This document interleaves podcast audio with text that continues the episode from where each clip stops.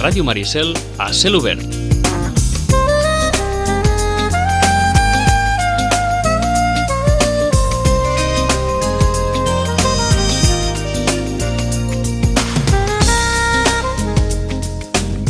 I ara sí, ja tenim a, en línia a la, a la Rosana Lluc. No la saludaven des de fa mm, bastants, bastants dies, des del 24 de maig, és a dir, fa gairebé un mes eh, que per una cosa o per l'altra no, no podíem parlar amb la Rosana. Per tant, doncs, eh, la saludem ja amb, amb la idea de, dels llibres refrescants que ens han d'acompanyar durant el proper estiu. Rosana Lluc, des de la llibreria Llorenç, bon dia. Hola, molt bon dia. Um, llibres refrescants, no? És el que toca ara? Bé, lli llibres, eh? Perquè a vegades refrescants, mm, sí, sí, sí, de fet són literatura que, que ens pot anar bé per, per, per combatre aquesta calor, no? Uh -huh. Que seria això, no?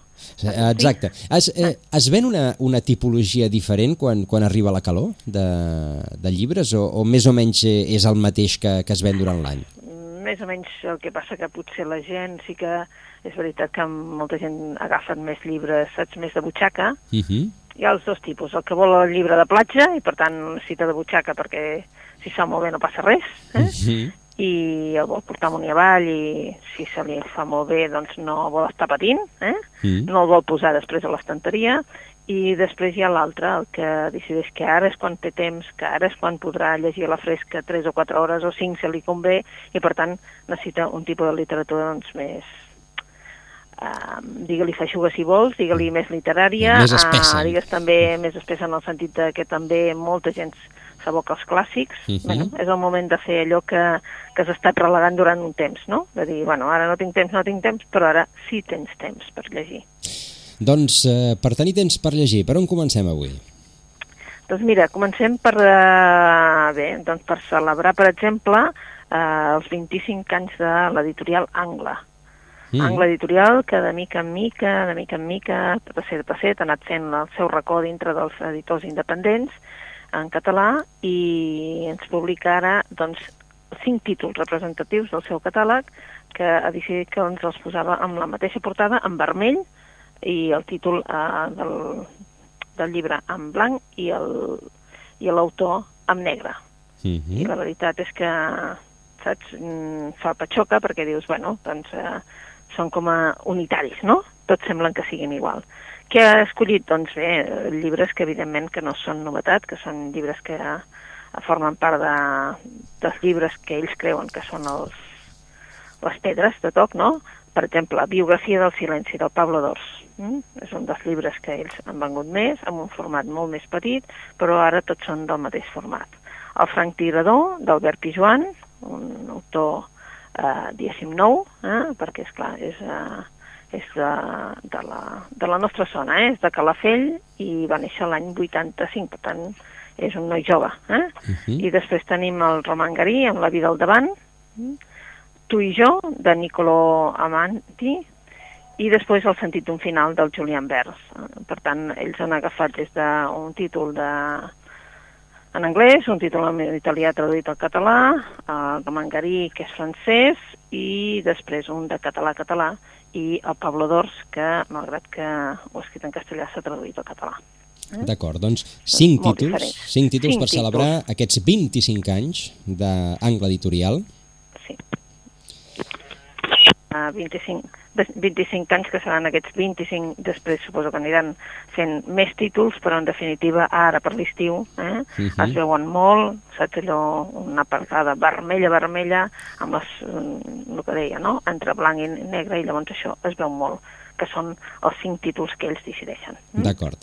Doncs eh, per on continuem, Rosana? Per on continuem? Bé, doncs podríem continuar per una novel·la fresca, aquesta sí que és fresca, és la, la de um, una autora francesa, Sophie Henaf, uh, mm, és la segona novel·la que se'ns presenta aquí i és la brigada de la Anne Capestan. Uh, es diu Aviso de Muerte, la brigada de Anne Capestan va ser la primera títol i ara aquesta mateixa brigada té un nou cas i és Aviso de Muerte. Què passa amb aquesta brigada? Doncs és una brigada um, un pèl especial, no? Tots són especials a... Em sembla que ja vam explicar que era una brigada així com a, saps, de, mm, tota tothom l'havia espifiada i per tant doncs ara um, han format un, una, una comissaria de policia en un pis mmm, que els hi han assignat una sèrie de casos que saben que doncs, no es resoldran. Com que el primer l'han resolt, ells creuen que a partir d'ara ja els consideraran com, de fet, un bon, mmm, una bona comissaria, però estan molt, molt, molt desencantats perquè resulta que això no ha estat així i bé, eh, la Anne Capestan és l'única que està convençuda de que ella val i que realment doncs, això només és un pas que realment d'aquí poc doncs, eh, li reconeixeran, però bé, el que fan és eh, bé donar-li, mentre estan, per matar el temps, eh, allò, decoren l'oficina, és Nadal, estan posant l'arbre, etc etc, però els hi donen un cas. Un cas que a ella no li fa gens de gràcia perquè resulta que és eh, l'assassinat del que havia estat el seu sogre, el Cers Rufus, que era un comissari. Clar, és el pare del seu exmarit, eh, i clar, malgrat que ella amb el seu sogre no és que se l'estimés gaire, mm, encara té aquell coquet pel seu ex i això fa que doncs, no li vingui gaire de gust doncs, eh, solucionar aquest cas perquè, és clar, evidentment s'haurà d'entrevistar amb, amb el que era el seu home, amb el Pol. Um, bé, hi ha un entremig, doncs, un home a Provença descobreix un monument als caiguts en el que hi ha el seu nom, i això vol dir doncs, que potser és una premonició, ell ho troba com una premonició de que el mataran, perquè si hi ha el seu nom als caiguts allà, eh, vol dir que, que algú li vol fer la Pasqua, no?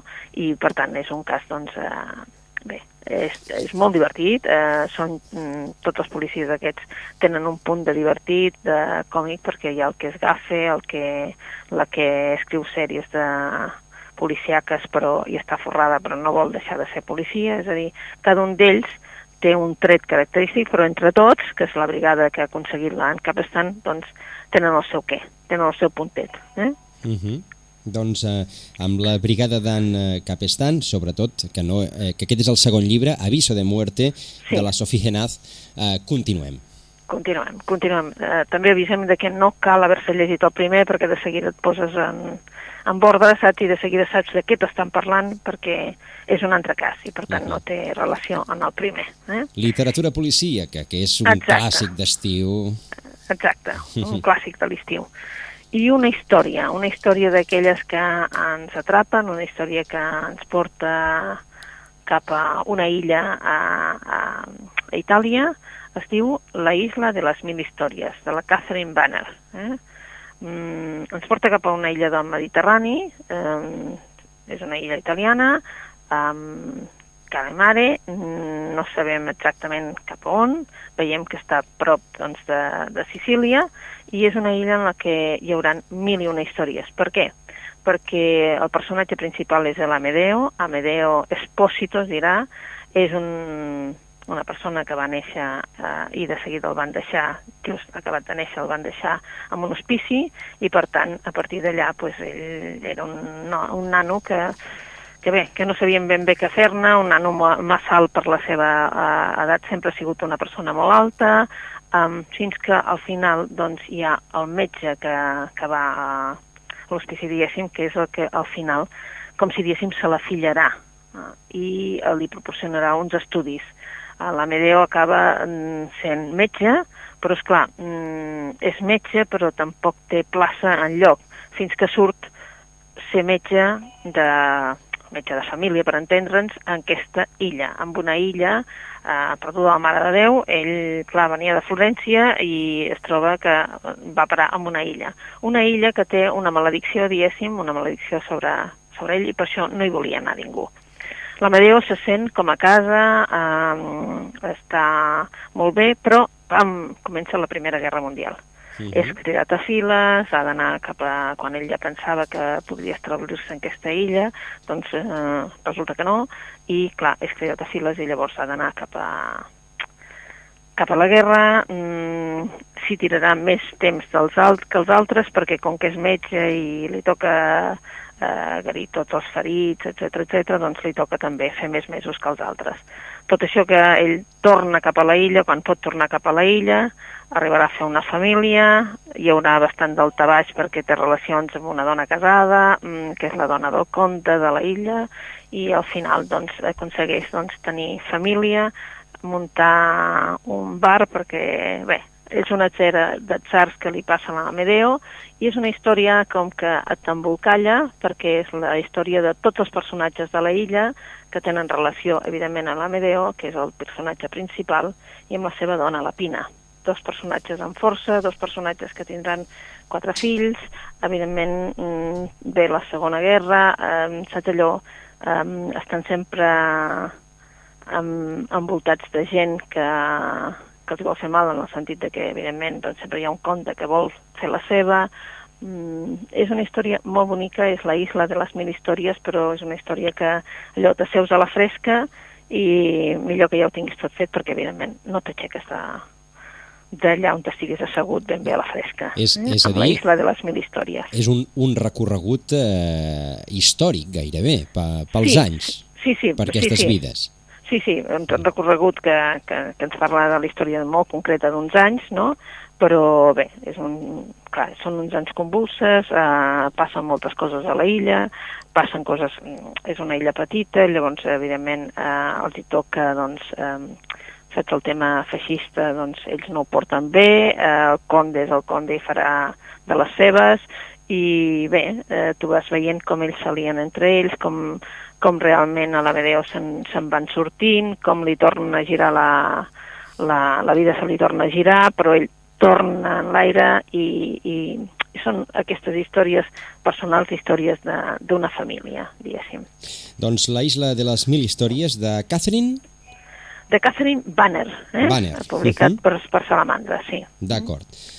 Què més? Què més? Doncs bé, tenim la darrera novel·la de la Melly Notham. La Melly Notham sempre és um, una autora provocadora. Uh, la, la seva obra més coneguda és uh, Estupor i Tremolós. Uh, va ser una obra que, que ens va fer fins i tot uh, riure, però també viure era molt cínica, molt en riure-se'n de tota la situació Mm, també és coneguda pel el sabotatge amoroso, la metafísica dels tubs, um, la cosmètica de l'enemic. Bé, n'ha fet moltíssimes, moltíssimes, moltíssimes. Eh?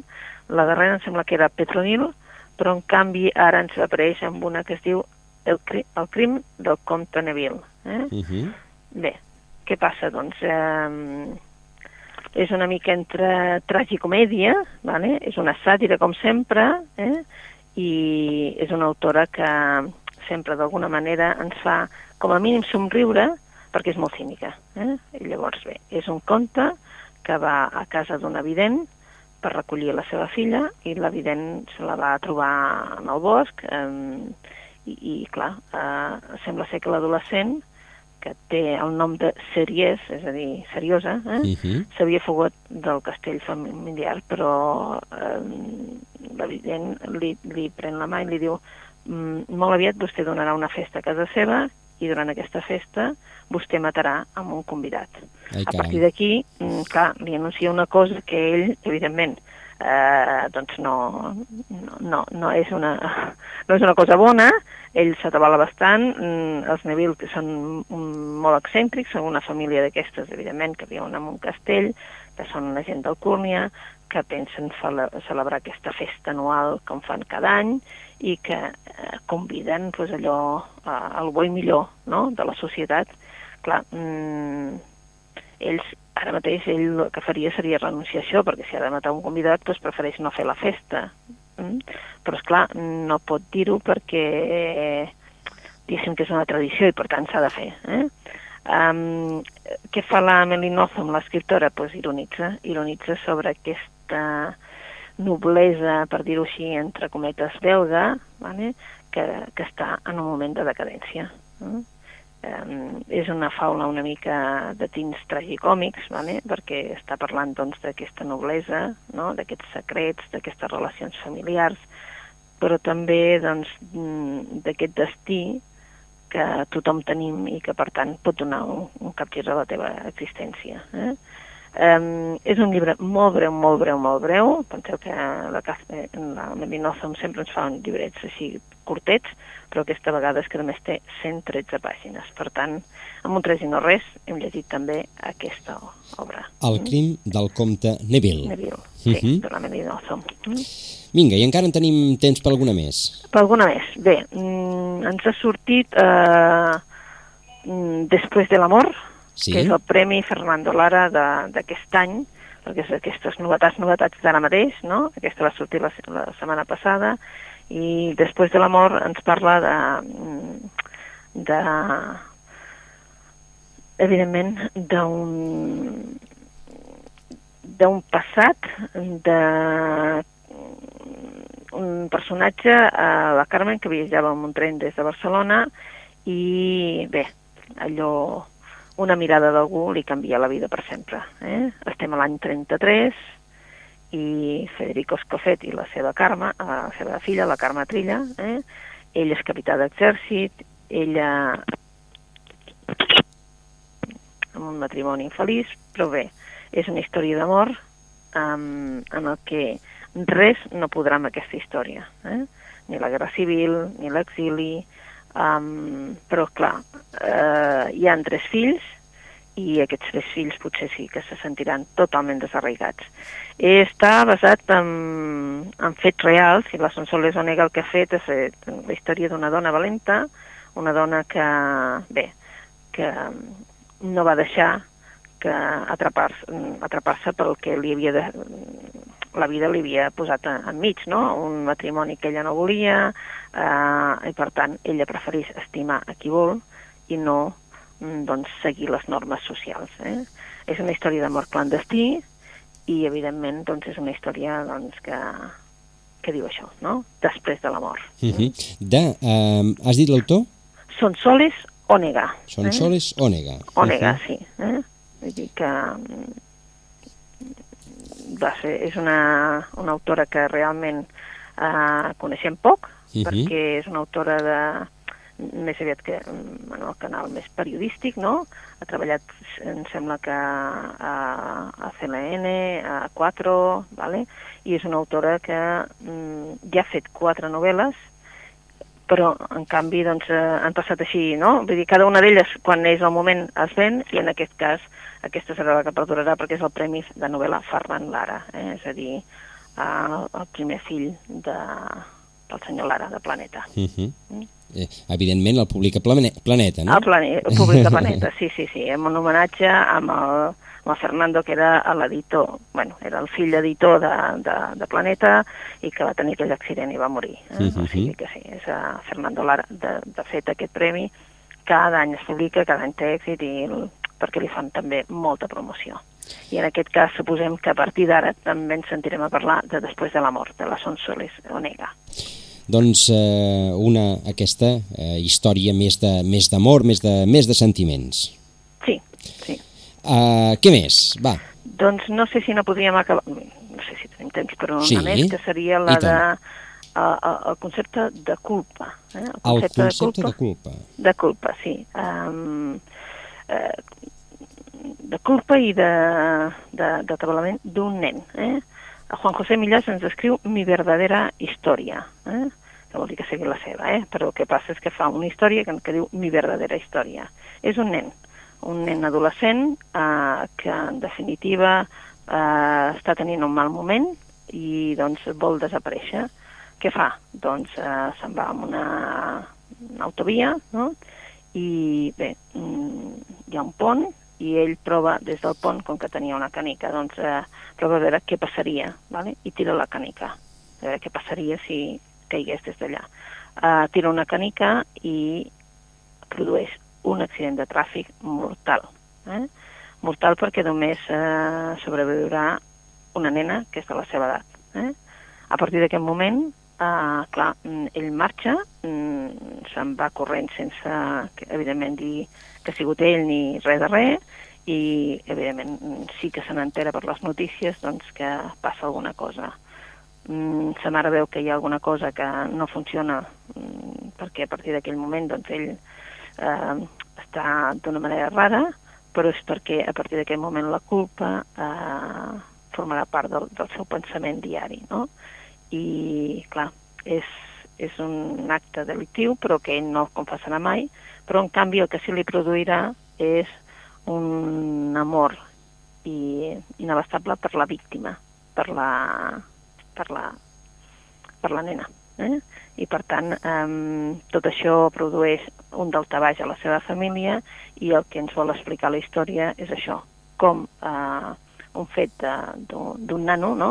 pot des descavalcar absolutament tota la història familiar, el seu pare, la seva mare, mm, tot el seu entorn, eh? perquè, és clar ell està passant d'adolescència a l'edat adulta, però a més a més hi ha aquest sentiment de culpa. Està molt ben escrit, eh, és una història que només té 107 mm, pàgines, vull dir que te la llegeixes en un tres i no res, i és aquell estil àcid eh, del Juan José Millás, un estil, saps allò, eh, també un estil d'humor en segons quins moments, i, i en definitiva és un retrat d'aquest trànsit eh, de l'adolescència cap a l'edat adulta.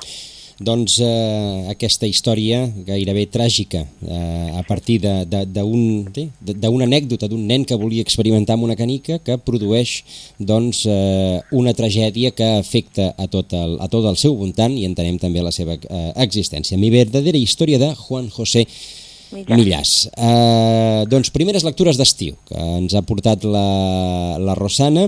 Uh, D'entrada, uh, aquesta commemoració dels 25 anys d'angle editorial amb aquests cinc títols, Biografia del silenci, El franc tirador, La vida al, uh, al davant, Tu i jo i El sentit d'un final, tots enquadernats amb, amb una tapa vermella, el títol en blanc, el uh, nom de l'autor amb negre, doncs, venuts gairebé com si fossin eh, iguals, eh, commemorant, com dèiem, els 25 anys d'aquesta editorial independent. També ens recomana la Rosana, Aviso de muerte, de la Sophie Genaz, eh, la, diguem, segona novel·la de la història de la brigada d'Anne Capestan. També La isla de les mil històries, de Catherine Banek, eh, el crim del comte Neville, aquesta, aquesta història amb, amb un punt de sarcasme de la Melinosem, Uh, Després de la mort de la Son Soles uh, Ònega, la, el Premi Fernando Lara d'aquest any, i per últim, doncs, aquesta història que ens comentava ja la darrera, Mi verdadera història, de Juan José Millas. Moltes gràcies, Rosana, i bona lectura. Bona lectura, fins d'aquí uns dies.